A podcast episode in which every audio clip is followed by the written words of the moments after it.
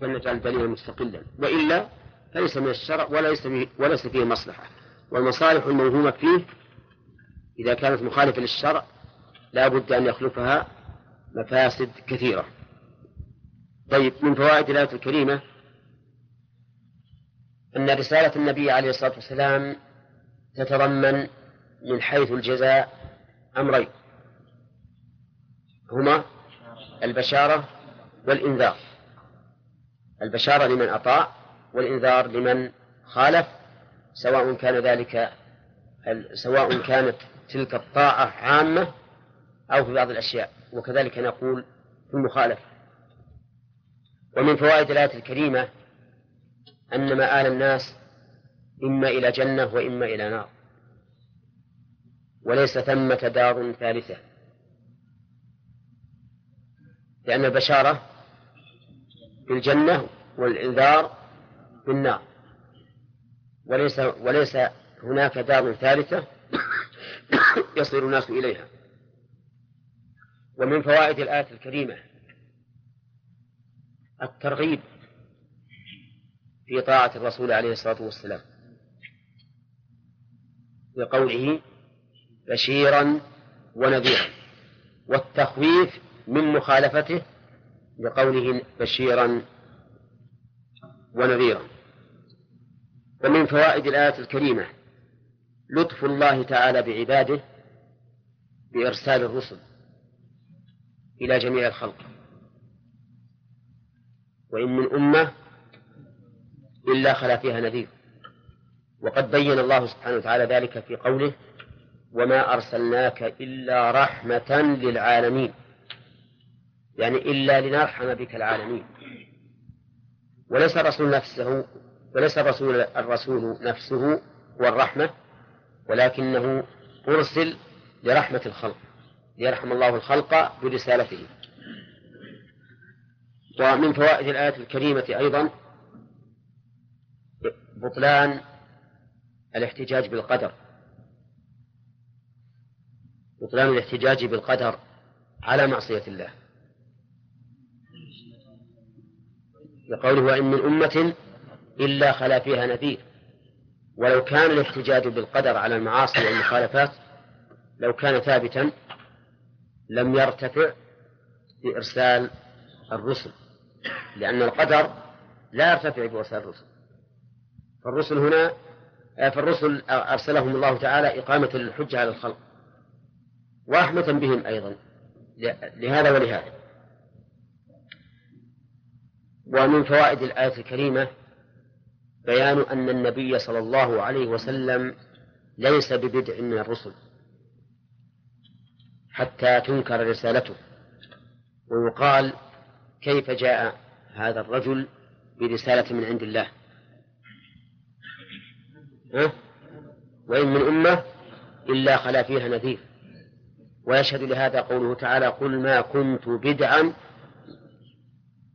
من الرسل. ومن فوائد الآية الكريمة قصور العقول عن معرفة ما يجب لله تعالى. لأنها لو استقلت بذلك ما احتاجت إلى إرسال الرسل. ومنها أيضا بطلان ما ذهب إليه المتكلمون من أهل البدع الذين بنوا عقيدتهم على ما يقتضيه العقل. وقالوا ما اقتضى العقل إثباته لله أثبتناه سواء كان مذكورا في الكتاب والسنة أم لم يذكر. وما نفاه العقل وجب علينا نفيه وإن ذكر في الكتاب والسنة. وما لم يدل العقل على نفيه وإثباته فإننا نتوقف فيه وأكثرهم قالوا ننفيه لأنه لا بد من دلالة العقل على إثباته. فإذا لم يدل على إثباته وجب نفيه لعدم وجود الدليل. يلا عبد المنان شو في هذه الفائدة؟ وإثباته طيب وما لا يقتضي إثباته ولا نفيه؟ طيب. تؤخذ من قوله وإن من أمة إلا خلا فيها نذير. ووجه ذلك أنه لو كانت العقول هي المرجع ما احتيج إلى إرسال الرسل. إيه نعم. ثم قال الله تعالى وإن يكذبوك أي أهل مكة. هذا تفسير للواو في قوله وإن يكذبوك فقد كذب الذين من قبلهم. يعني فليس ببدع أن يكذبك قومك لأن الذين من قبلهم كذبوا الرسل. كقوله كقوله تعالى ولقد كذبت رسل من قبلك فصبروا على ما كذبوا وأوذوا. يعني ليس الأمر مقتصرا على التكذيب فقط بل تكذيب وأذية بالقول وأذية بالفعل. بل أعظم من ذلك القتل. فإن كثيرا ممن أرسل الله إليهم الرسل قتلوهم. نعم. يقول وإن يكذبوك أي أهل مكة. لماذا نخصه بأهل مكة؟ الصحيح أنه ليس خاصا بأهل مكة بل أهل مكة وغيره الرسول كذبه أهل مكة وكذبه أهل الطائف وغيرهم من المشركين. فالصواب العموم إن يكذبوك فقد كذب الذين من قبلهم. الذين وش تعرفونه؟ فاعل. وأين المفعول؟ محذوف. أي فقد كذب الذين من قبلهم رسلهم. نعم.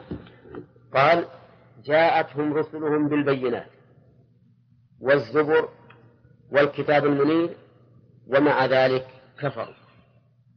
جاءتهم رسلهم بالبينات ألبى هذه المصاحبة ويحتمل أنها للتعدية. يعني أتوا بالبينة التي تبين صدقهم. وقول المؤلف المعجزات هذا هو تعبير كثير من المتأخرين ولكن الصواب أن يقال بالآيات وأن البينات هذه صفة لموصوف محذوف. تقديره؟ بالآيات البينات أي الظاهرة. والآيات التي جاءت بها الرسل حسية ومعنوية. فمن الآيات الحسية ما جاء به موسى عليه الصلاة والسلام من العصا واليد وغير ذلك. ومن الآيات المعنوية ما جاء به من التوراة. وكذلك عيسى وغيرهما من من الرسل كل رسول لم يأتي إلا ببينة. وقد ثبت عن النبي عليه الصلاة والسلام أنه ما من رسول أرسله الله إلا آتاه من الآيات ما يؤمن على مثله البشر. وإنما كان كذلك لأنه ليس من الحكمة ولا من الحجة ولا من الرحمة أن يرسل رسول إلى الخلق يستبيح دماء المخالفين له وأموالهم ونساءهم بدون بدون بينة. حتى لو فرض أن أحدا كذبه وهو لم يأتي ببينة لكان المكذب معذورا لأن البينة على المدعي فكان من حكمة الله ورحمته وإقامة حجته أن يجعل مع الرسل آيات تشهد بصدق ما جاءوا به. وقد ذكر أهل العلم رحمهم الله أن الآيات التي جاءت بها الرسل ولا سيما الآيات الحسية تكون مناسبة لما كان في عصرهم أو لأبرز الأمور في عصرهم. وضربوا لذلك مثلا بأن موسى عليه الصلاة والسلام جاء بالعصا واليد لأنه اشتهر في عصره وبرز في عصره صناعة السحر. فجاء بأمر فوق ما جاء ما تجيء به السحرة. السحرة إنما يموهون ويخيلون وهو جاء بحقيقة. وألقوا حبالهم وعصيهم فإذا هو يخيل إليه من سحرهم أنها تسعى. يخيل إليه ولكنه ليس بحقيقة. هو ألقى عصاه فصارت حقيقة فعلية تلقف ما يفكون. قالوا وموسى وعيسى عليه الصلاة والسلام أتى في وقت ترقت فيه صناعة الطب. فجاء بأمر يعجز عنه الأطباء ولا يستطيعونه جاء بإبراء الأكمة والأبرص وإحياء الموتى وخلق صورة من الطين ينفخ فيها فتطير تكون طيرا حقيقيا. وهذا يعجز عنه الطب. لا يمكن لأي طبيب يكون أمامه رجل رجل ميت فيقول قم فيقوم. أبدا. لا يمكن لأي طبيب يأتي إلى المقابر ويقف على القبر ويقول اخرج فيخرج. وعيسى يفعل ذلك كما قال الله تعالى وإذ تخرج الموتى بإذنه. تخرجهم من مدافنهم. ولا يمكن لأي إنسان من الأطباء أو, أو غيره أن يخلق من الطين كآيات الطير فينفخ فيه فيطير. أبدا. الأكمة والأبرص لا يمكن لأحد أن يبرئه من المرض الذي أصابه بمثل ما يبرئه عيسى عليه الصلاة والسلام. يؤتى إليه بذوي العاهات ويمسح بيده عليه ويبرأ يزول. يعني هذا البرص الذي قد ملأ الجلد أو أكثره يمر يده عليه فلا تتعدى يده مكانا إلا عاد على طبيعته. نعم. هذا لا لا يستطيع أحد من الأطباء مهما بلغ في الطب أن يصل إلى هذا الحال. قالوا ومحمد صلى الله عليه وسلم أتى إلى قوم قد بلغوا في الغاية ذروتها قد بلغوا في البلاغة ذروتها فجاء بكلام لا يستطيعون مباراته أبدا وهو كلام الله. وتحداهم الله تعالى في عدة آيات أن يأتوا بسورة مثله أو بعشر سور مثله أو بحديث مثله فلم يستطيعوا. المهم أن جميع ما جاءت به الرسل آيات بينات. يقول والزبر قال كصحف إبراهيم. الزبر جمع زبور وهو ما يزبر ويؤثر. يعني الكتاب. ولو أن المؤلف قال كزبور داود لكان لكان أنسب للآية. لأن صحف إبراهيم ما ذكر الله أنها زبرا أنها زبر ولكن ذكر وآتينا داود زبورا. والكتاب المنير. هو التوراة والإنجيل.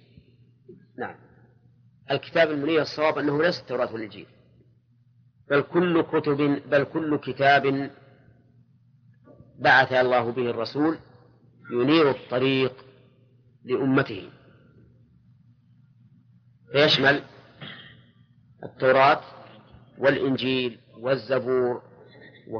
لا هذا الرسل السابقين. وصحف إبراهيم وغير ذلك ما من رسول أرسله الله إلا معه كتاب.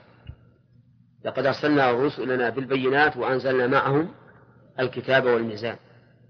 وقال تعالى كان الناس أمة واحدة فبعث الله النبيين مبشرين ومنذرين وأنزل معهم الكتاب.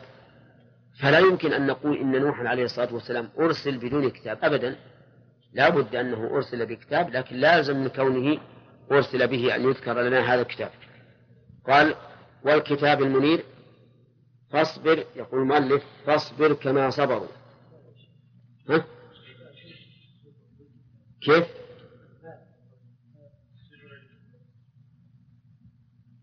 هذه الواو حرف عطف والزبر معطوفة على البينات بإعادة حرف الجر نعم مثل ما قلنا إما أنها للمصاحبة يعني جاءوا مصطحبين هذه الشيء هذه الأشياء أو أنها للتعدية كما تقول أتيته بدرهم أتيته بطعامه أتيته بشرابه وما أشبه ذلك.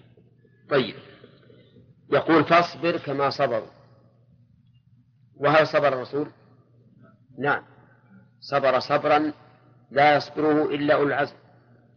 قال الله تعالى ثم أخذت الذين كفروا بتكذيبهم. البال السببية في كلام المؤلف أخذت الذين كفروا. لماذا أخذهم؟ بالعقاب. فقوم نوح أغرقهم وقوم هود أتلفهم بالريح. كذا وقوم صالح بالرجفة والصيحة. وقوم لوط جعل عالية جعل عالية قراهم سافلة. كل مكذبين أخذهم الله عز وجل. ولهذا قال فكيف كان نكير؟ أي إنكار عليهم بالعقوبة والإهلاك أي هو واقع موقعه. يعني أن الاستفهام هنا للتقرير. يعني فكان نكيري أي إنكاري عليهم بالعقوبة كان واقعا موقعه. ولهذا لو سئلت كيف كان إنكار الله لهم؟ الجواب أن نقول كان شديدا. وكان واقعا موقعه فهو مطابق للحكمة تماما وهو عقاب شديد لم يبق منهم أحدا. في الآية الكريمة هذه فوائد منها أن تكذيب الرسول عليه الصلاة والسلام ليس ببدع من البشر فقد كذبت الأمم فقد كذبت الأمم قبله. وإن يكذبوك فقد كذب الذين من قبلهم. ومنها عناية عناية الله تعالى بالرسول صلى الله عليه وسلم بذكر ما يسليه ويهون عليه الأمر. ولا لا؟ طيب. و وذكر المصيبة المماثلة تقتضي تسلية الإنسان وتهويل الأمر عليه ولهذا لو جئت إلى مريض وقلت والله أنت اليوم طيب ومرضك أهون من مرض فلان فلان أصيب بمرض فيه كذا وكذا. يتسلى ولا لا؟ يتسلى بلا شك. وكذلك لو أصيب بحادث وقلت إن فلان أصيب بحادث أعظم يتسلى. إذن ففيه عناية الله تعالى برسوله صلى الله عليه وسلم حيث يذكر له ما يهون عليه المصائب ويسليه. ومن فوائد الآية إنذار المكذبين لرسول الله صلى الله عليه وسلم. لأن الله ذكر كيف كان عاقبة الذين من قبلهم وكان عاقبتهم الدمار والهلاك.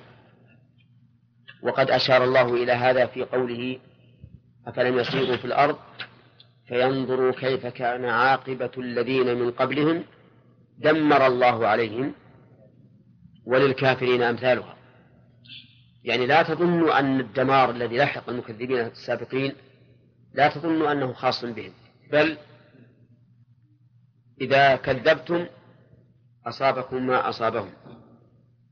ومن فوائد الآية الكريمة أن الله عز وجل لم يترك الرسل هملا بل آتاهم من البينات ما يؤمن على مثله البشر. لقوله جاءتهم رسلهم بالبينات. طيب. ومنها أيضا تمام حكمة الله عز وجل ورحمته وإقامة حجته. لماذا؟ ها؟ تؤخذ من قوله؟ جاءتهم رسلهم بالبينات لأنه إنما أعطى هؤلاء الرسل البينات لتمام إقامة الحجة والرحمة والحكمة. ومن فوائد الآية الكريمة أن من أعظم البينات ما جاءت به الرسل من الشرائع التي تتضمنها التي تضمنتها الكتب. وجه ذلك التنصيص عليها مع أنها من البينات. انتبه. أيضا تنصيص هو تنصيص أعيد معه العامل بالبينات وبالزبر فكأنها مستقلة. نعم. ومن فوائد الآية الكريمة أن الكتب السماوية متضمنة للنور وأن كل من أخذ بها فقد أخذ بنور يمشي به في الظلمات. لقوله الزبر والكتاب المنير. ومنها أن المفرد إذا أريد به الجنس صار عاما لأن قوله بالكتاب هذا مفرد. ولكن هل الكتب التي جاءت الرسل واحدة كتاب واحد؟ لا. بل هي كتب كثيرة بحسب الرسل. نعم الوهاب. ألم تر أن الله أنزل من السماء ماء إلى آخره؟ فيما سبق أن الله أنزل من السماء ماء فأخرجنا به إلى آخره. الاستفهام هنا للتقرير. وهذا هو الغالب فيما إذا أتى حرف النفي أو إذا أتت أداة النفي بعد همزة الاستفهام. أن يكون للتقرير مثل ألم نشرح لك صدرك؟ أليس ذلك بقادر على أن يحيي الموتى؟ أليس الله بكاف عبده؟ وأمثال ذلك. فإذا أتت أداة النفي بعد همزة الاستفهام فالغالب أن يكون الاستفهام للتقرير وقوله شوف الآن قبل. ألم ترى حذفت الألف للجازم؟ لأن لم تجزم والفعل المعتل يجزم بحذف حرف العلة. وقوله ومن الجبال جدد مبتدأ وخبر والخبر فيها مقدم. خبر فيها مقدم. وهو قوله من الجبال. وقوله مختلف ألوانها صفة لجدد وقوله سود قيل إنه على التقديم والتأخير أي وسود الغرابيب وقيل إنه على الأصل وأن سود تقع موقع التوكيد مما قبلها لأن الغربيب هو الشديد السواد. قوله ألم ترى قال المؤلف تعلم فالرؤية هنا علمية. وعلقت عن العمل بأن وما دخلت عليه فإن أن وما دخلت عليه تعلق أفعال القلوب عن العمل. ويحتمل أن تكون الرؤية هنا بصرية يعني ألم تنظر وتبصر. لأن ما ذكر يرى بالعين. وما كان يرى بالعين فإنه يجوز أن يراد به الرؤية بالعين. لكن إذا جعلناها علمية كان ذلك أعم. لأن هذا الأمر قد لا تراه بعينك ولكن تسمعه في بلاد أخرى غير بلادك. وقول أن الله أنزل من السماء ماء المراد بالسماء هنا العلو والمراد بالماء المطر. وليس المراد بالسماء الأجرام السماوية المعروفة لأن الماء إنما ينزل من السحاب والسحاب عال ولكنه بين السماء والأرض. وقوله فأخرجنا به قال فيه التفات عن الغيبة. أنزل من السماء ماء فأخرجنا به. لو كان لو كان الكلام على نسق واحد لقال فأخرج به بضمير الغيبة لكنه صار فيه التفات عن الغيبة إلى التكلم فأخرجنا به. والالتفات فيه فائدة بل فوائد فيه فائدة مشتركة في جميع موارده ومواضعه. وهي تنبيه المخاطب لأن الكلام إذا كان على نسق واحد استمر الإنسان معه ولم يكن هناك شيء يوجب أن ينتبه ويتفطن.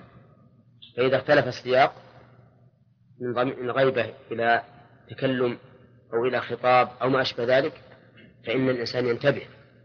يعني كأنه يكون علما على تغير الأسلوب لينتبه المخاطب الفائدة الثانية هنا قوله فأخرجنا به فإننا هذه تفيد التعظيم لأن الإخراج أعظم من الإنزال بالنسبة للنعمة علينا. فإنه لو نزل المطر ولم يخرج النبات لم نستفد من المطر. كما جاء في الحديث الصحيح الذي رواه مسلم ليست السنة ألا تمطروا إنما السنة أن تمطروا فلا تنبت الأرض شيئا. فلما كان إنعام الله تعالى بإخراج النبات أعظم صار الالتفات إلى التكلم أولى لعظم المنة فيه. قال فأخرجنا فأخرجنا به ثمرات مختلفا ألوانها. وهنا قال أخرجنا به ثمرات ولم يقل أخرجنا به نبات.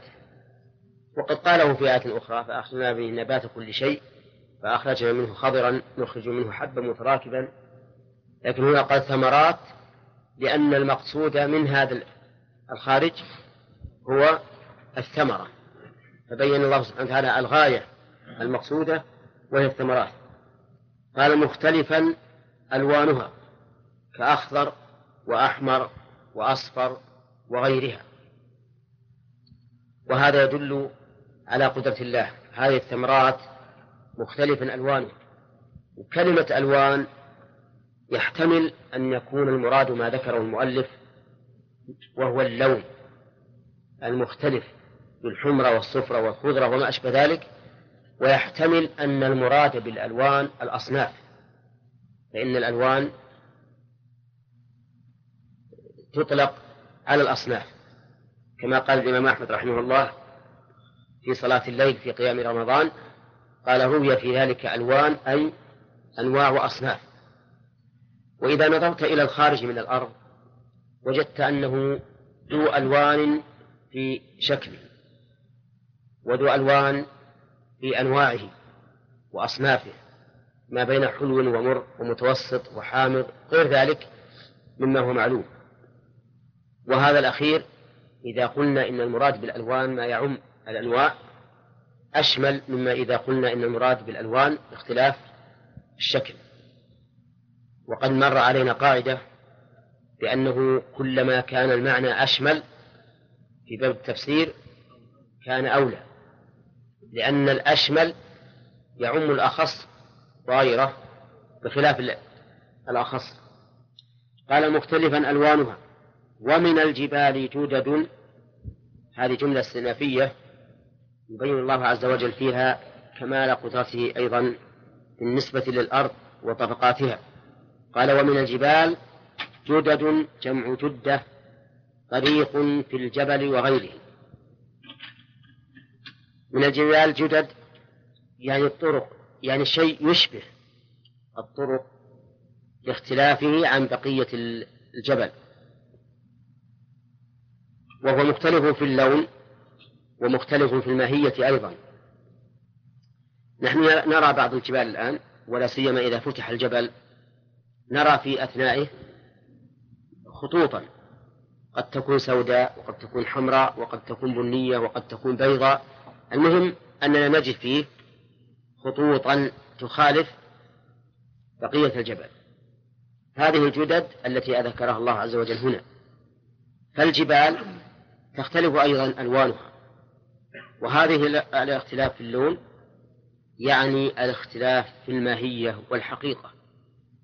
ليست الحصاة السوداء كالحصاة البيضاء أو الحمراء أو ما أشبهها مما يخالفها في اللون بل لا بد أن يكون هناك اختلاف في طبيعة هذه الحصاة. كما كانت كما كان اختلاف الثمرات في ألوانها يدل على اختلافها في طعومها وفي ماهيتها. قال جدد بيض وحمر. بيض وحمر ذكر الله عز وجل بيض وحمر. وكان المتوقع أن يقول بيض وسود لأن لأن هذا هو المعروف في مقابلة البياض أن يقابل بالسواد. لكنه قال وحمر لأن الحمر أقرب إلى البياض من السود وستذكر في قوله وغرابيب سود. هذه الجدد الجدد بيض وحمر. قال المؤلف وصفر. ونحن ربما نقول أيضا وزرق وغير ذلك من الألوان. والله عز وجل لم يذكر هذين اللونين للحصر وإنما هو على سبيل التمثيل قال وجدد مختلف ألوانها بالشدة والضعف هنا فسر المؤلف الألوان بماذا؟ بالماهية ولا بالأشكال؟ بالماهية لأنه قال بالشدة والضعف ولم يقل باللون الذي هو أحمر وأبيض على كل حال الألوان كما قلنا آنفا تطلق على الأنواع أحيانا. طيب. هذا الاختلاف في في ألوان أحجار الجبال كالاختلاف في ألوان الثمار. مختلف. وغرابيب سود. عطف على جدد. أي صخور شديدة السواد. يقال كثيرا. سود آه، يقال, كثيرا أسود غربيب ويقال قليلا غربيب غربيب أسود. أول الغرابيب جمع غربيب والغربيب شديد السواد. وكان مقتضى الترتيب أن يقال وسود غرابيب ولكن الله تعالى قدم قال غرابيب سود. فعلى هذا زعم بعضهم أن في الكلام تقديما وتأخيرا. وقال بعضهم بل هو على ترتيبه. ليس فيه تقديم وتأخير ولكن الله سبحانه وتعالى بين الأسود الشديد السواد قبل بيان مطلق السواد. هذا أيضا مشاهد ولا غير مشاهد؟ نجد في الجبال طرق يعني كالطريق أو كالخط أسود خالص خالصا. وإلى جانبه طريق أبيض أو أحمر أو ما أشبه ذلك. كل هذا دليل على قدرة الله عز وجل. وغرابيب سود ها؟ نعم. غرابيب سود فنجد نحن أن هذه هذا الاختلاف في الجبال هو كالاختلاف في الثمرات. في هذه الآية من الفوائد التنبيه على أنه ينبغي للإنسان أن يتفكر في خلق الله عز وجل. لقوله ألم ترى أن الله فإن هذا تقرير والتقرير لا يكون إلا بعد أن ينظر المقرر فيما قرر به حتى يقر به ويعترف. ومن فوائد الآية الكريمة بيان قدرة الله عز وجل وحكمته ورحمته وذلك بإنزال الماء من السماء. ففيه قدرة عظيمة أن ينزل هذا الماء الذي يكون بحارا أحيانا يدمر ما مر عليه من البناء ويجترف الأراضي مع أنه ينزل من هذا السحاب الرقيق الذي تخترقه الطائرة كما نشاهد ويتمزق عندما يمر بالجبال وبالبناء وما أشبه ذلك. تنزل منه هذه الأمطار هذه المياه العظيمة. هذا تمام القدرة. تمام الرحمة ما يحصل من هذا المطر من الآثار النافعة للعباد. تمام الحكمة لأن هذا المطر ينزل من أعلى حتى يشمل المرتفع والمنخفض من الأرض. ولو كان يمشي مشيا كالأنهار لكان الأسفل من الأرض يروى بالماء بل يغرق يغرق وأما الأعلى فلا يصيبه شيئا أو فلا يصيبه فلا يصيبه شيء. وهذا من تمام حكمة الله عز وجل أنه ينزل من فوق. ومن فوائد الآية الكريمة إثبات الأسباب. لقوله فأخرجنا به ثمرات فإن الباء هنا للسببية ففي الآية إثبات الأسباب وأن الله سبحانه وتعالى قد قرن الأشياء بأسبابها. وهذا من تمام حكمتهم أن تكون الأسباب والمسببات متلازمات. من المعلوم أن الله قادر على أن يخرج هذه الثمرات بدون ماء. ولكن قد جعل لكل شيء سببا. ومن ثم ومن فوائد الآية الكريمة بيان قدرة الله عز وجل لإخراج هذه الثمرات المختلفة الألوان مع أنها في أرض واحدة وتسقى بماء واحد. ويظهر لك ذلك جليا إذا نظرت إلى الزهور. كيف تجد هذا الاختلاف العجيب بينها؟ مع أنها تسقى بماء واحد. ومن فوائد الآية الكريمة الحكمة في اختلاف هذه الثمرات. لأنه لو كانت هذه الثمرات طبيعتها واحدة لمل الناس منها ولم يحصل لهم كمال اللذة. فإذا اختلفت فإن حصل كمال اللذة وعدم الملل والسآمة ومن فوائد الآية الكريمة أيضا بيان قدرة الله عز وجل ورحمته وحكمته فيما نرى من الجبال أو فيما نرى في الجبال من الجدد المختلفة. لأن هذا دليل على القدرة حيث جعل هذا بين هذا ودليل على الحكمة لأن الغالب أن ما في بطون هذه الجبال يكون معادن مفيدة للإنسان. كذلك بيان الرحمة بالخلق لإيداع هذه الأشياء في بطون هذه الجبال. ومن فوائد الآية الكريمة أيضا بيان قدرة الله عز وجل حيث إنه يجعل بعض الجبال فيها السواد الخالص وقد تكون يكون الجبل كما أشار إليه الخالد قد يكون الجبل كله أسود. وأحيانا نرى جبلا أسود وإلى جانبه جبلا أبيض. فهذا كله من تمام قدرة الله عز وجل. ومن فوائد الآية ما يترتب على النظر في هذه المخلوقات من الاعتبار والاستدلال بها على ما تتضمنه من صفات الله سبحانه وتعالى. ثم قال ثم قال الله عز وجل ومن الناس والدواب والأنعام مختلف ألوانه كذلك إنما يخشى الله من عباده العلماء إن الله عزيز غفور.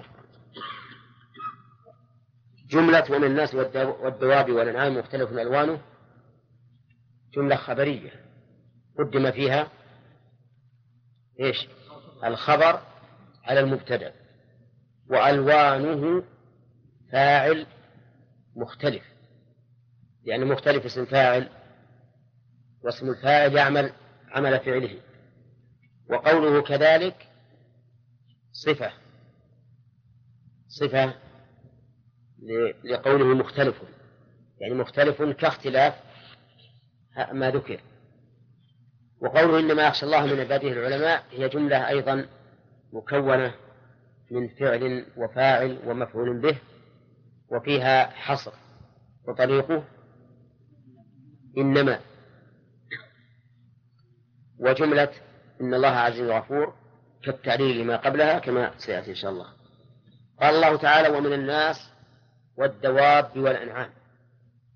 الناس هم البشر. قال هو أصلها أناس ولكنها خففت الهمزة حذفت الهمزة تخفيفا لكثرة الاستعمال كما حذفت من شر وخير وأصلهما أشر وأخير. وحذفت أيضا من الله على قول كثير من علماء اللغة وأصلها يقول الإله.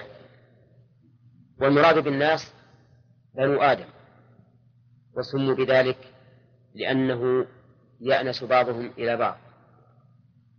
قال والدواب جمع دابة وتطلق على عدة معان تطلق على كل ما دب على الأرض. كما في قوله والله خلق كل دابة من ماء. وكما في قوله تعالى وما من دابة في الأرض إلا على الله رزقها. يشمل كل ما دب على الأرض من إنسان وحيوان وحشرات وغير ذلك. وتطلق الدابة على ما يدب على بطنه مثل الحيات. وتطلق الدابة على ذوات الأربع كالحمار. فما المراد بها في هذا في هذه الآية؟ نقول المراد بها ما عدا الناس والأنعام. ما عدا الناس والأنعام. فتشمل كل ما دب على الأرض إلا الناس والأنعام. فإن قلت لماذا لا تجعلها شاملة وتجعل هذا من باب عطف العام على الخاص بالنسبة للناس ومن باب عطف الخاص على العام بالنسبة للأنعام. انتبه.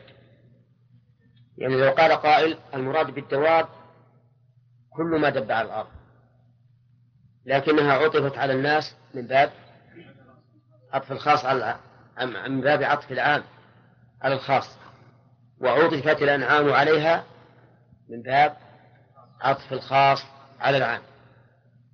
قلنا هذا ممكن لكن التقسيم يبعده. التقسيم يبعده. فيكون المراد بالدواب ما عدا الناس والأنعام والمراد بالأنعام ما ينتفع الناس به. كما قال الله تعالى وجعل لكم من الفلك والأنعام ما تركبون. وقال تعالى أولم يروا أنا خلقنا لهم مما عملت أيدينا أنعاما فهم لها مالكون وذللناها لهم فمنها ركوبهم ومنها يأكلون ولهم فيها منافع ومشارب أفلا يشكرون. فيكون المراد بالأنعام هنا إيش؟ ما ينتفع الناس به كالإبل والبقر والغنم والطيور الحلال وغير ذلك. مختلف ألوانه كذلك. طيب مختلف ألوانه هل المراد اللون الشكل أو الصنف أيضا؟ نعم. يشمل. فالناس مثلا تختلف ألوانه. هذا أبيض وهذا أسود وهذا أحمر وهذا بين ذلك واختلف لون واحد. تختلف أجناسهم أيضا. هذا ذكر وهذه أنثى. هذا عالم وهذا جاهل. هذا أحمق وهذا حليم. وعلى هذا فقس.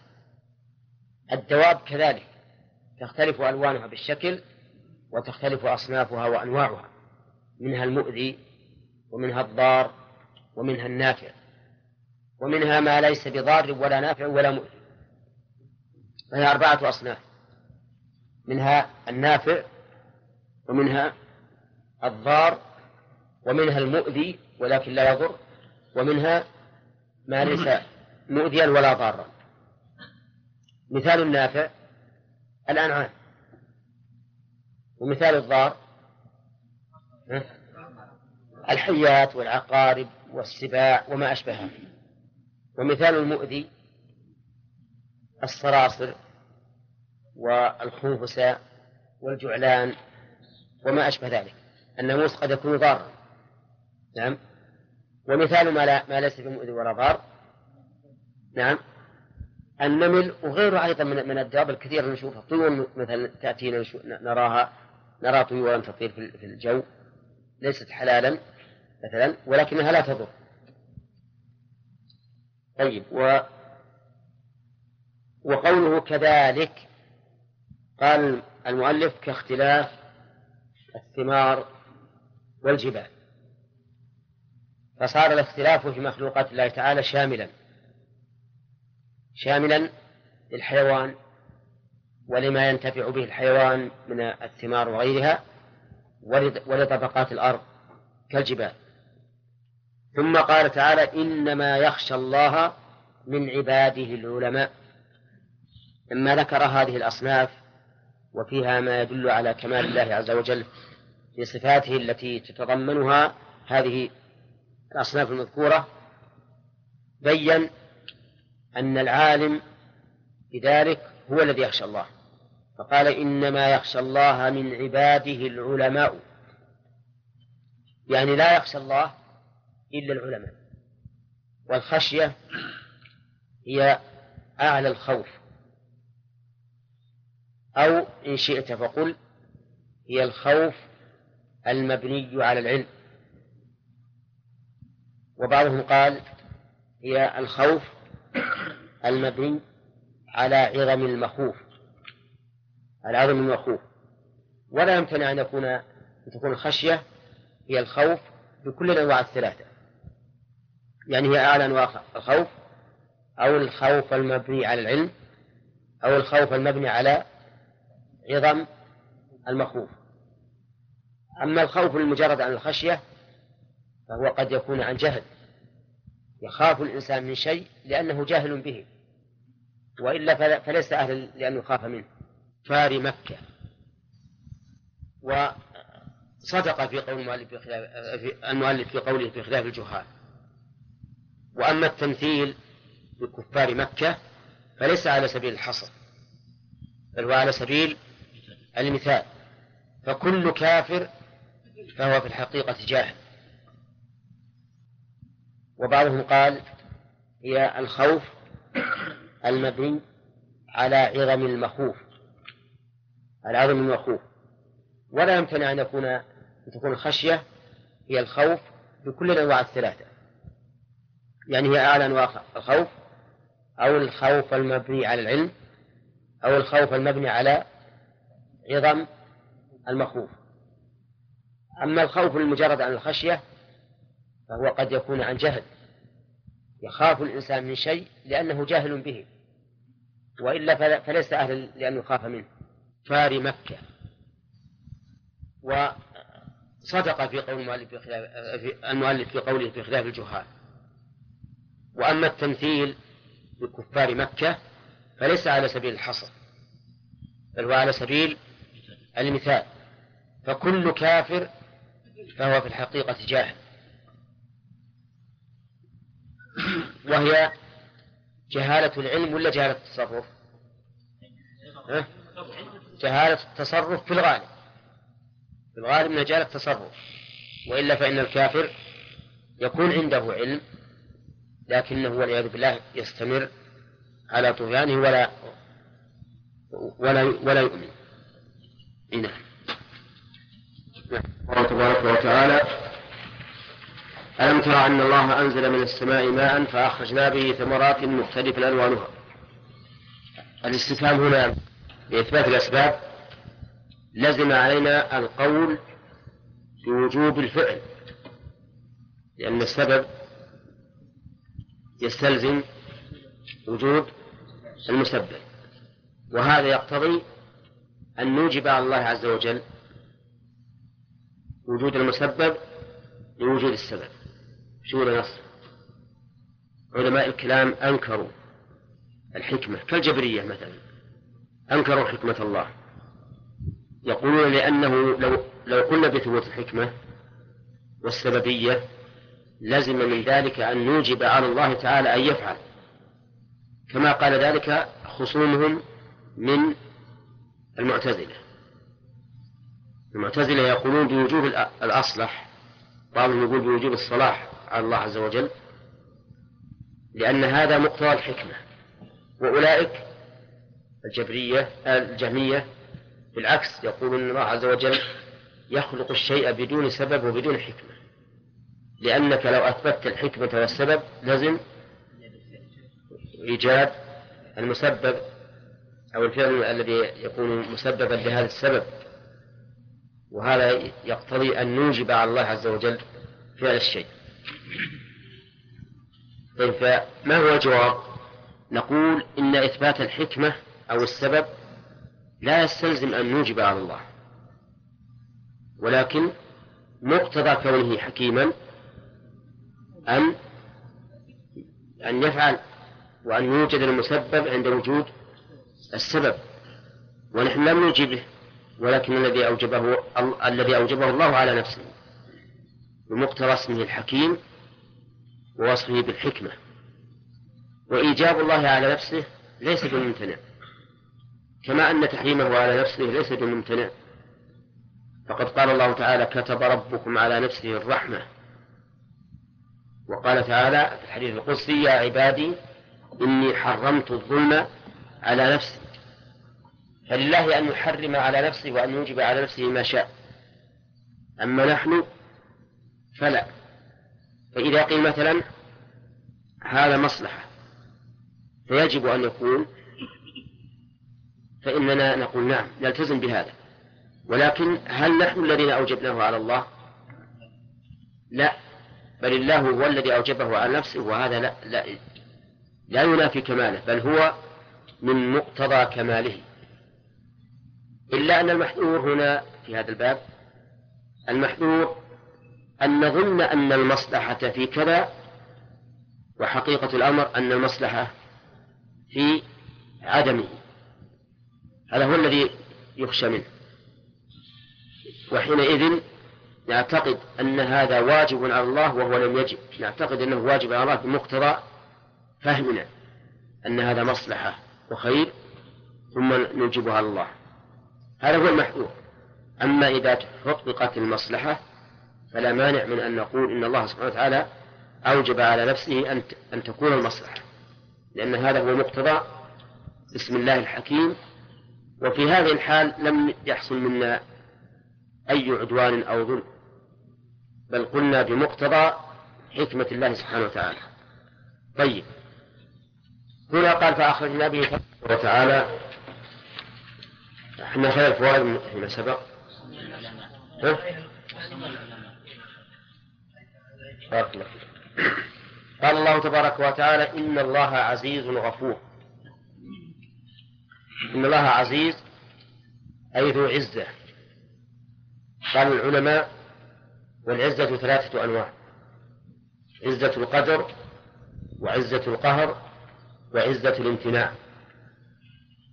فأما عزة القدر فمعناه أن الله تعالى ذو قدر عزيز. والقدر بمعنى المكانة والشرف والسؤدد ونحو ذلك. عزة القهر أي أن الله تعالى غالب لا غير مغلوب ومنه قوله تعالى فقال أكفلنيها وعزني في الخطاب. أي غلبني. عزة الامتناع أي أن الله سبحانه وتعالى يمتنع عليه النقص في ذاته أو في صفاته. ومنه قولهم أرض عزاز أي شديدة صلبة لا يتجاوزها شيء لصلابتها ولا يؤثر فيها شيء لقوتها وشدتها. فالعزة, فالعزة إذن ثلاثة ثلاثة معاني. عزة القدر وعزة القهر وعزة الامتناع. طيب. غفور أي ذو مغفرة. كما قال تعالى وإن ربك لذو مغفرة للناس على ظلمهم والمغفرة ستر الذنب والتجاوز عنه. يدل لذلك اشتقاقها. فإنها مشتقة من المغفر وهو ما يغطى به الرأس وتتقى به السهام. وفي المغفر ستر ووقاية وعلى هذا فنقول الغفور ذو المغفرة وهي ستر الذنب والتجاوز عنه. ويدل لهذا المعنى زيادة على دلالة الاشتقاق. ما ثبت في الحديث الصحيح أن الله عز وجل يخلو بعبده المؤمن فيقرره بذنوبه حتى يقر بها. ثم يقول قد سترتها عليك في الدنيا وأنا أغفرها لك اليوم. يعني أتجاوز عنه وفي الدنيا سترها الله على العبد.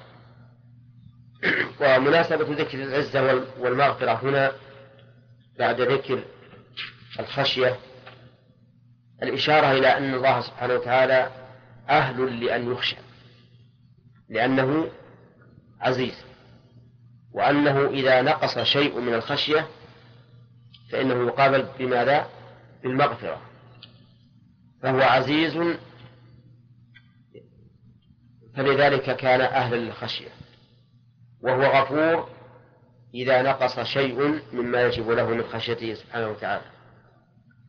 أما فوائد الآية فإننا نقول وبالله نقول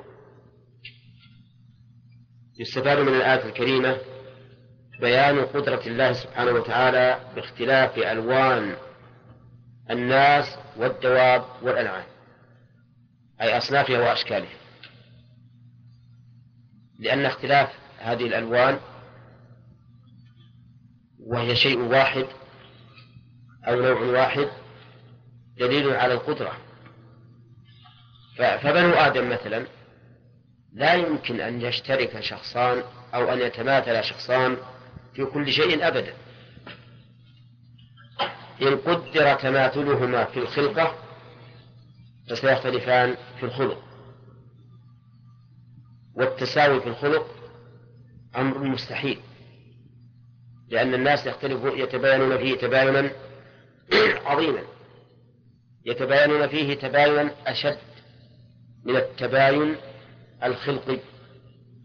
وإن كان التباين الخلقي أظهر لأنه يشاهد ويرى لكن التباين الخلقي أشد. لأنه لا يمكن أن يتفق الناس فيه أو أن يتساوى الناس فيه أبدا. لأن أي كلمة تحصل من أحدهما دون الآخر يحصل فيها التباين. طيب ومن فوائد الآية الكريمة فضيلة خشية الله عز وجل. حيث لا يتصف بها إلا العلماء. ومن فضيلة ومن فوائدها أيضا فضيلة العلم لكونه سببا لخشية الله عز وجل. والخشية صفة لها آثار حميدة لأن الإنسان إذا خشي ربه فإنه يتجنب معاصيه ويفعل أوامره خوفا منه سبحانه وتعالى. ولهذا لما ذكر الله عز وجل ثواب الذين آمنوا وعملوا الصالحات أولئك هم خير البرية جزاؤهم عند ربهم جنات عدن تجري من تحتها النار خالدين فيها أبدا رضي الله عنهم ورضوا عنه. قال ذلك لمن خشي ربه. وهو دليل على أن الخشية توجب الإيمان والعمل الصالح. ومن فوائدها إثبات اسمين من أسماء الله وهما العزيز والغفور وإثبات ما تضمناه من الصفة وهي العزة والمغفرة. وإثبات ما تضمناه من الحكم وهو الأثر. صح؟ صح؟ أما أما الغفور فنعم لها أثر وحكم. كما قال تعالى يعذب من يشاء ويغفر. نعم. من يرحم و... و... نعم. في سورة الآخر سورة البقرة يغفر لمن يشاء. والله على كل شيء قدير. ها؟ طيب. العزيز هل لها حكم؟ ها؟ وقلنا قلنا إنها من معانيها الغلبة. وإذا كانت عز بمعنى غلب صارت متعدية فيكون لها حكم أي أثر. إذا إثبات ما تضمنه الإسلام من الصفة والحكم الذي نعبر عنه أحيانا بالأثر. ومر علينا فيما سبق أن أسماء الله عز وجل إما لازمة وإما متعدية فاللازمة يثبت منها الاسم والصفة والمتعدية يثبت منها الاسم والصفة والأثر. نعم. نعم. إن الله عزيز في ملكه غفور لذنوب عباده المؤمنين. طيب ما شرحنا كلام المؤلف؟ قوله إن الله عزيز في ملكه هذا مبني على أن العزة بمعنى الغلبة.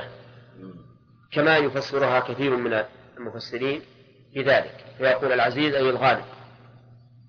ولكن هذا التفسير الذي ذكرناه ما نطلقها في ملكه.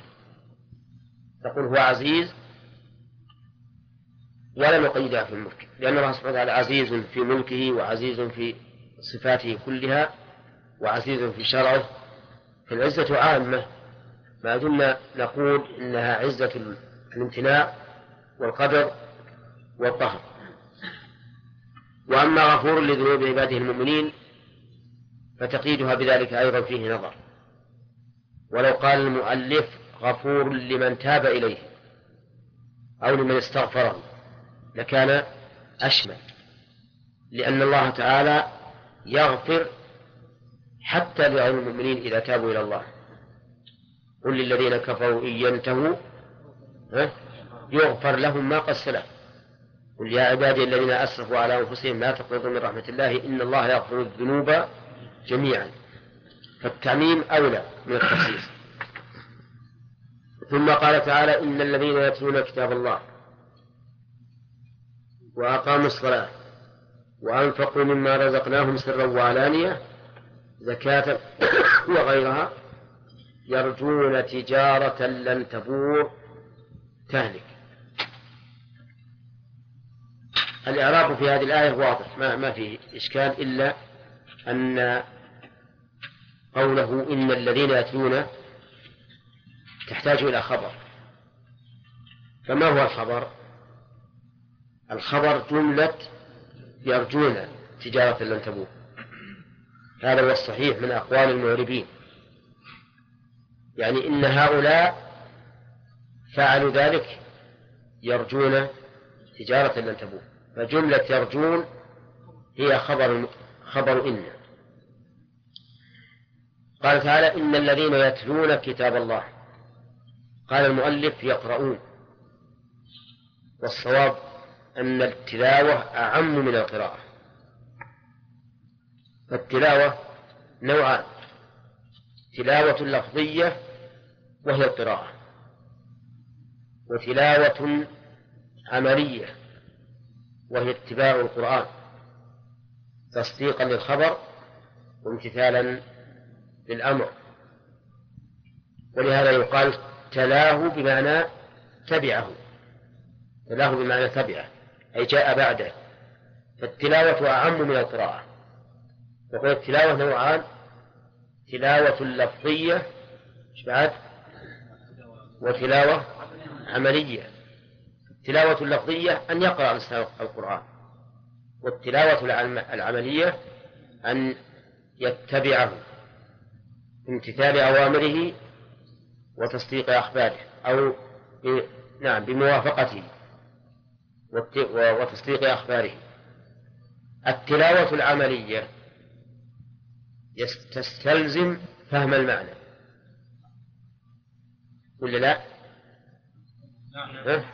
نعم لأنه لا يمكن أن يعمل إلا بما إلا بما يفهم وعلى هذا يكون فعل الصحابة رضي الله عنهم تطبيقا لهذه الآية تماما لأنهم لا يتجاوزون عشر آيات حتى يتعلموها وما فيها من العلم والعمل. قالوا فتعلمنا القرآن والعلم والعمل جميعا. طيب يقول الله تعالى إن الذين يتلون كتاب الله وقال إن الذين يتلون فعل مضارع يدل على الاستمرار بخلاف ما لو قال إن الذين تلوا في الماضي فإنه لا يفيد معنى المعنى الذي يفيده المضارع يتلونه. وقوله كتاب الله هل هو القرآن أو هو أعم من ذلك؟ الجواب أعم من ذلك. كتاب الله الكتب التي أنزلها الله تعالى على الرسل. فيشمل جميع الكتب لأن هذا الحكم يشمل المؤمنين من هذه الأمة والمؤمنين ممن سبقهم. فيكون المراد بالكتاب هنا كتاب الله المراد به كل كتاب أنزله الله تعالى على رسله. يتلون كتاب الله وأقاموا الصلاة معطوفة على يتلون قال المؤلف أداموها والصواب خلاف ما ما, ما قاله المؤلف يعني معناها أننا نختار كلمة أشد مطابقة لللفظ. أقاموا الصلاة أي أتوا بها مستقيمة فيشمل فعل الصلاة تامة بشروطها وأركانها وواجباتها ومستحباتها. ويشمل الإدامة ولا لا؟ يشمل الإدامة أيضا لأن الإدامة من الإقامة.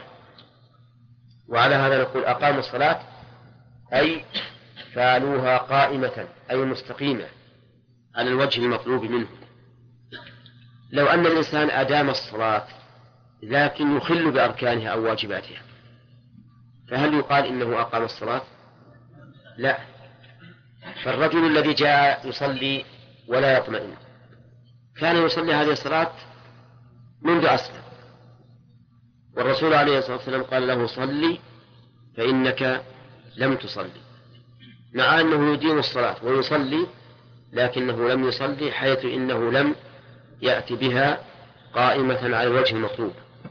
فالصواب أن أن الإقامة هنا بمعنى أن يفعلها على الوجه المطلوب منه. والصلاة معروفة للجميع لا تحتاج إلى تعريف لأنها عبادة ذات أقوال وأفعال معلومة مفتتحة بالتكبير مختتمة بالتسليم. طيب قال وأنفقوا مما رزقناهم سرا وعلانية. أنفقوا بمعنى بذلوا وأخرجوا مما رزقناهم مما أعطيناهم لأن الرزق بمعنى العطاء. وقوله مما رزقناهم هل من لبيان الجنس أو هي للتبعيض؟ الأولى أن نجعلها لبيان الجنس.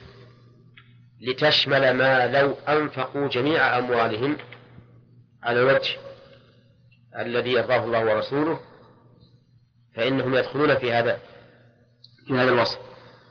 وقول سرا وعلانية. سرا مصدر. نعم. ولكنها في موضع الحال. أي مسرين ومعلنين. انتبه مسرين ومعلنين الإصرار أن يخفوا الإنفاق؟ فلا يعلم به إلا المنفق عليه. والإعلان أن يظهروه للناس إما إظهارا كاملا شاملا وإما أن يكون إظهارا نسبيا يعلم به من حوله. طيب كل ذلك يمدحون عليه.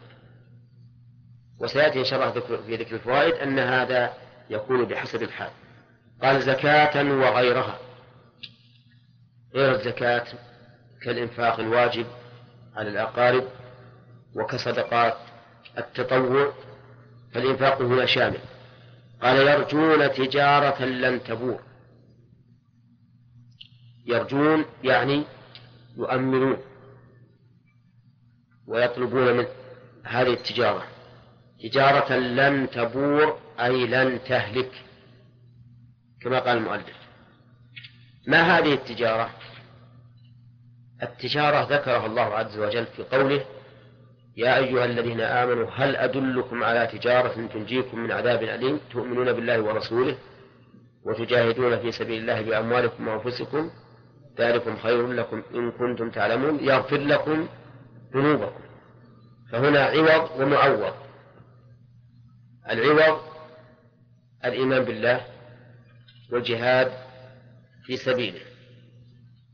المعوض يغفر لكم ذنوبكم ويدخلكم جنات تجري من تحتها الأنهار ومساكن طيبة. هذه التجارة لا شك أنها أربح التجارات وأنها أبقى التجارات. أربح التجارات لأن الربح فيها العشر؟ ها؟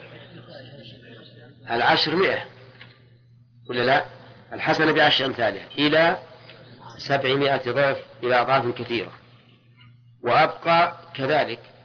هي أبقى التجارات بلا شك لأنها في جنات عدن أي في جنات إقامة لا لا ضعن فيها. الله أعلم. إن الذين يتلون كتاب الله وأقاموا الصلاة إلى آخره. ما المراد بت... من ها؟ يستفاد من هذه الآية فوائد منها فضل تلاوة كتاب الله عز وجل. لقوله يرجون تجارة لن تبور. ومنها أن الرجاء ينبغي أن يكون في محله. بحيث يكون الإنسان قد عمل عملا يرجو الثواب عليه.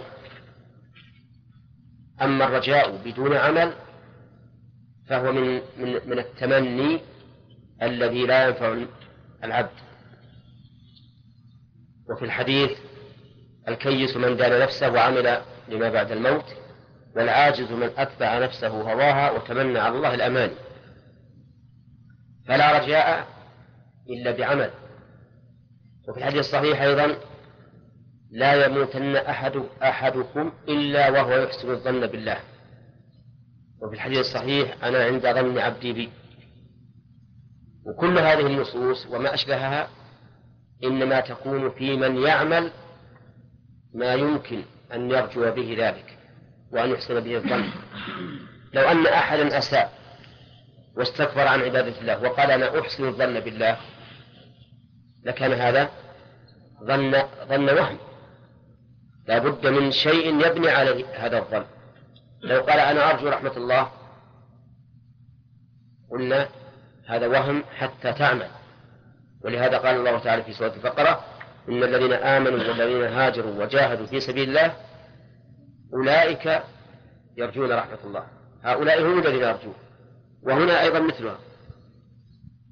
من فوائد الآية الكريمة أن الثواب في الآخرة لا ينقطع. لقوله لن تبور. بل ربما نقول إن هذا أعم بحيث يثاب الإنسان في الدنيا ثوابا مستمرا إلى الآخرة.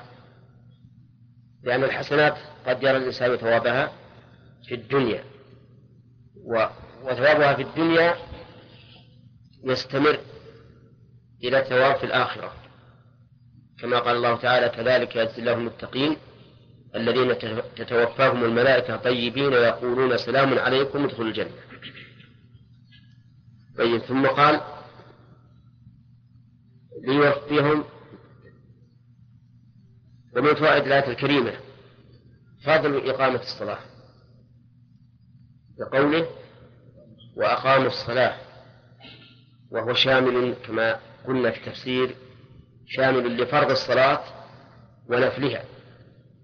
فما تقام به الفريضة تقام به النافلة وما تقام به النافلة تقام به الفريضة إلا بدليل يدل على الفرق بينهما. وأظن قد جمعنا الفروق بين فرض الصلاة ونفلها فبلغت ثمانية وعشرين فرقا. منها ما هو واضح دل عليه. دلت عليه السنة وما هو ما هو دون ذلك. المهم أن الأصل أن إقامة الفريضة إقامة للنافلة وإقامة النافلة إقامة للفريضة. هذا الأصل. فما ثبت في إحداهما ثبت في الثاني إلا بدليل. ومن فوائد الآية الكريمة أيضا فضيلة الإنفاق. نعم. فضيلة الإنفاق. لأنه أعقبه أو أعقب آه، الصلاة به. أقاموا الصلاة وأنفقوا. وهو يدل على أن هذا الإنفاق يشمل الزكاة وغير الزكاة. لأن الله تعالى يقرن دائما في الذكر بين الصلاة والزكاة. طيب. ومن فوائد الآية الكريمة أن المنفق ليس مانا على الله عز وجل لأنه إنما ينفق مما رزقه الله. فمهما بلغت بك نفسك من الإعجاب والكبرياء على إنفاقك فاذكر قوله مما رزقناه مما رزقناه كل شيء تنفقه فليس لك فيه منة على الله عز وجل. بل لله المنة عليك به في إيجاده وفي إنفاقه. في إيجاده لأنه لولا أن الله رزقك ما حصل, ما حصل لك. وفي إنفاقه لأن كثيرا من الناس يبخلون بما آتاهم الله من فضله. ولا يحسبن الذين يبخلون بما آتاهم الله من فضله هو خيرا لهم بل هو شر لهم. فمن نعمة الله عليك أن من عليك بالإنفاق بعد أن من عليك بالرزق والعطاء. ومن فوائد الآية الكريمة أيضا أن الإنفاق لا نقول إن إن الإصرار فيه أفضل ولا إن الإعلان فيه أفضل بل هو بحسب بحسب الحال. تارة يكون الإنفاق سرا أفضل وتارة يكون الإنفاق سرا آه علنا أفضل حسب ما تقضيه الحال. بخلاف الصدقة فالأصل فيها السر.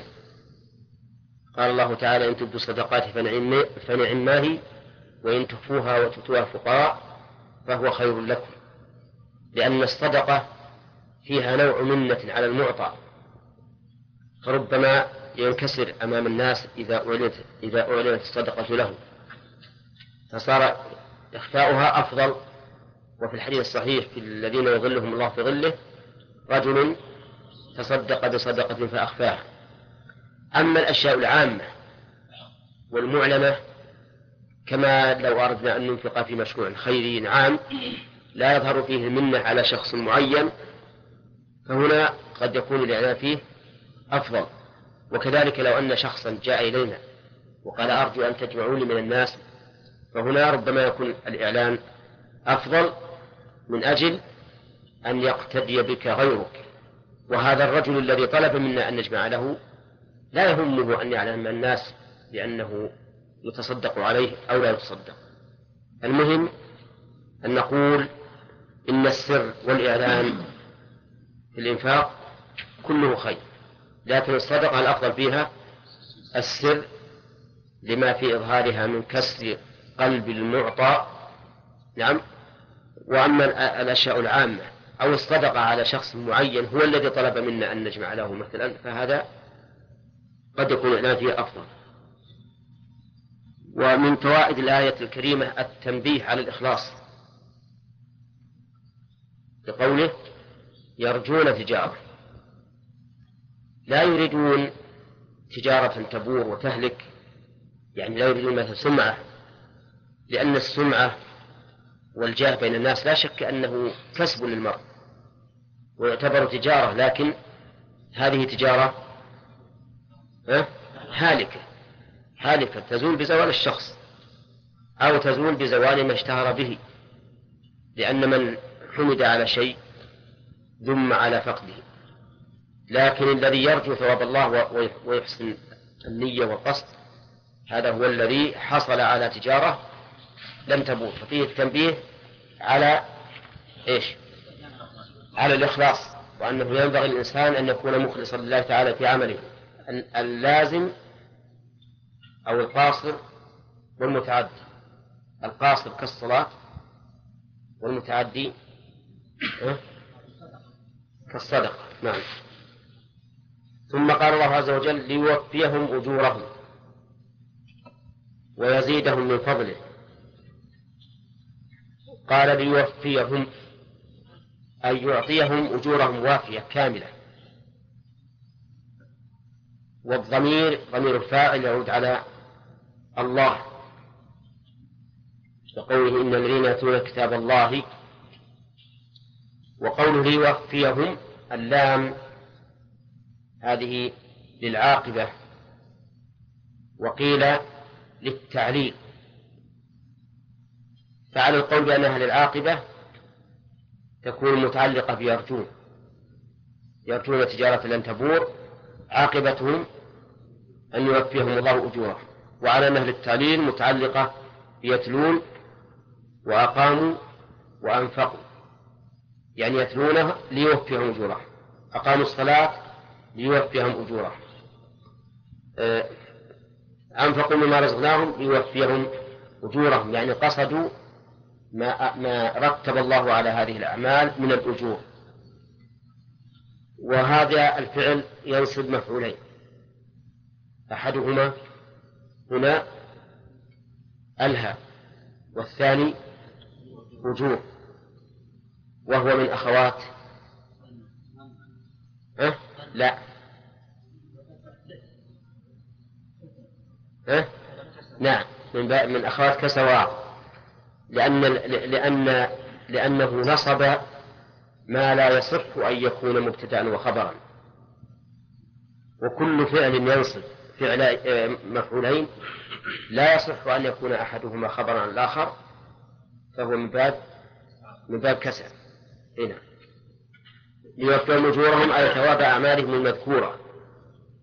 والتوفية هذه معروفة لنا جميعا وهو أن الحسنة بعشر أمثالها إلى سبعمائة ضعف إلى أضعاف كثيرة.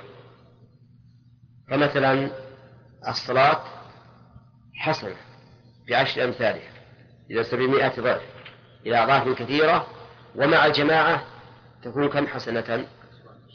سبعا وعشرين حسنة كل حسنة بعشر أمثالها. قال ويزيدهم من فضله معطوف على يوفيهم. ويزيدهم من فضله يعني يزيدهم عطاء وأجرا من فضله. وهذا مثل قوله تعالى كمثل حبة أنبت السبع سنابل في كل سنبلة مئة حبة والله يضاعف لمن يشاء. وقوله يزيدهم من فضله يشمل الفضل في الدنيا والآخرة. أما في الدنيا فإن الإنسان إذا عمل العمل الصالح مخلصا لله به حبب الله إليه العمل حتى يزيد في العمل. وهذا شيء مشاهد. كذلك إذا أعطى وأنفق زاده الله من فضله. قال الله تعالى وما أنفقتم من شيء فهو يخلفه. أي يأتي بخلفه. فالزيادة إذن تشمل زيادة الأجور وزيادة الأعمال وزيادة المال المنفق منه. زيادة الأعمال لأني قلت كلما عمل الإنسان عملا صالحا حبب الله إليه العمل وزاده فيه. زيادة المال وما أنفقت من شيء فهو يخلفه وهو خير الرازقين. وما آتيتم من من ربا ليربو في أموال الناس فلا أرجو عند الله وما آتيتم من زكاة تريدون وجه الله فأولئك هم المضعفون.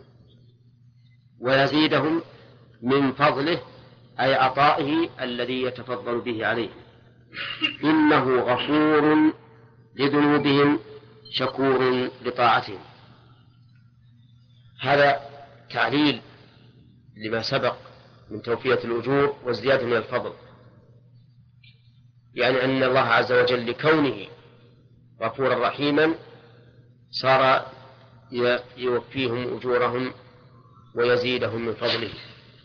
وفي هذا إشارة إلى مغفرة الله سبحانه وتعالى للعامل وإلى شكره إياه. الغفور صيغة مبالغة أو صفة مشبهة مأخوذة من الغفر وهو الستر مع الوقاية لأن أصل هذه المادة المغفر والمغفر يحصل به الستر والوقاية. إذا ما معنى أن الله غفور؟ معناه أن الله يستر الذنوب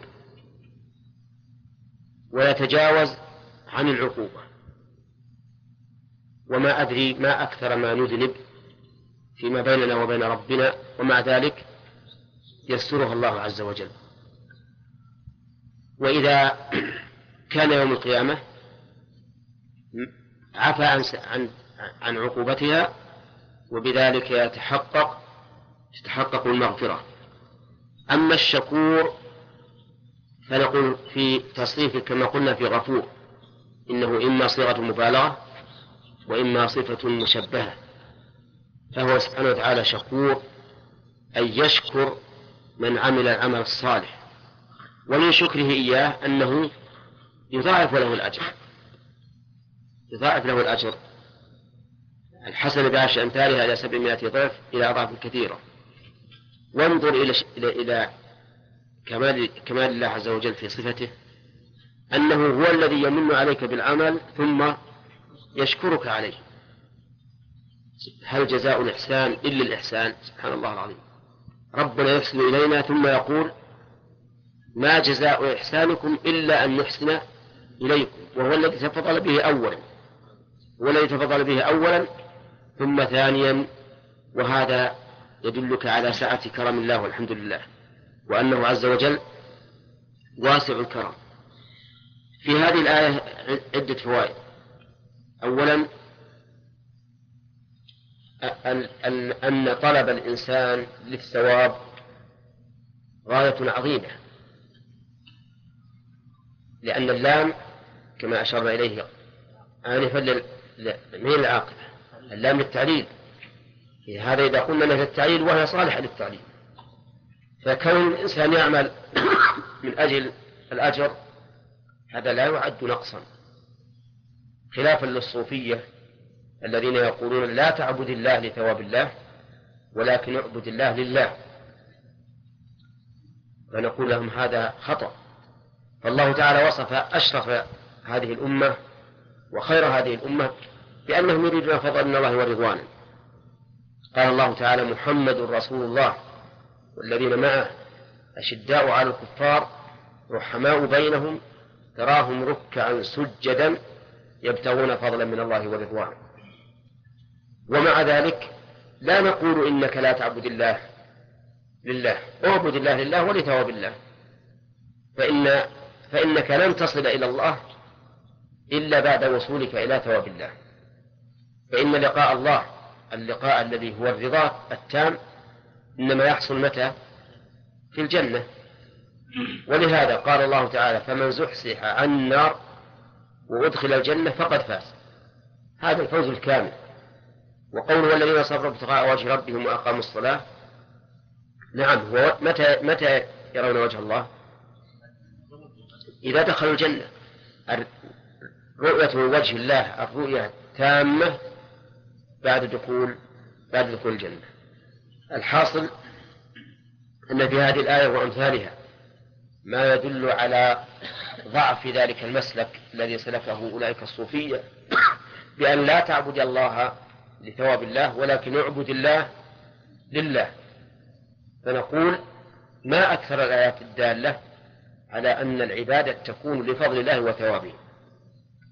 ومن فوائد الآية الكريمة ضمان الثواب يعني أن الثواب مضمون للعامل الذي يتعامل مع الله عز وجل بناء على أن اللام للعاقبة أي أن هذا العمل سوف يوفر ليوفيهم أجورهم.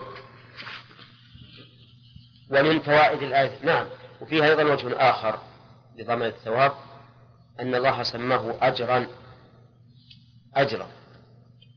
والأجر لا بد أن يدفع لمن قام بالعمل. بل جاء في الحديث الصحيح قال الله تعالى في الحديث القدسي ثلاثة أنا خصمهم يوم القيامة رجل أعطى بي ثم غدر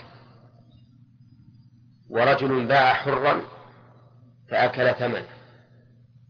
ورجل استأجر أجيرا فاستوفى منه ولم يعطيه أجره. فإذا كان الله خصم هؤلاء لأنهم لم يعطوا الأجر فإنه يدل على أن الأجر الذي ضمنه الله لعباده سوف إيش؟ سوف يحصل قطعا. ولكن لا بد أن يكون العمل صحيحا. ومن فوائد الآية الكريمة أن جزاء الحسنات أكثر مما يجب. لقوله ويزيدهم من فضله.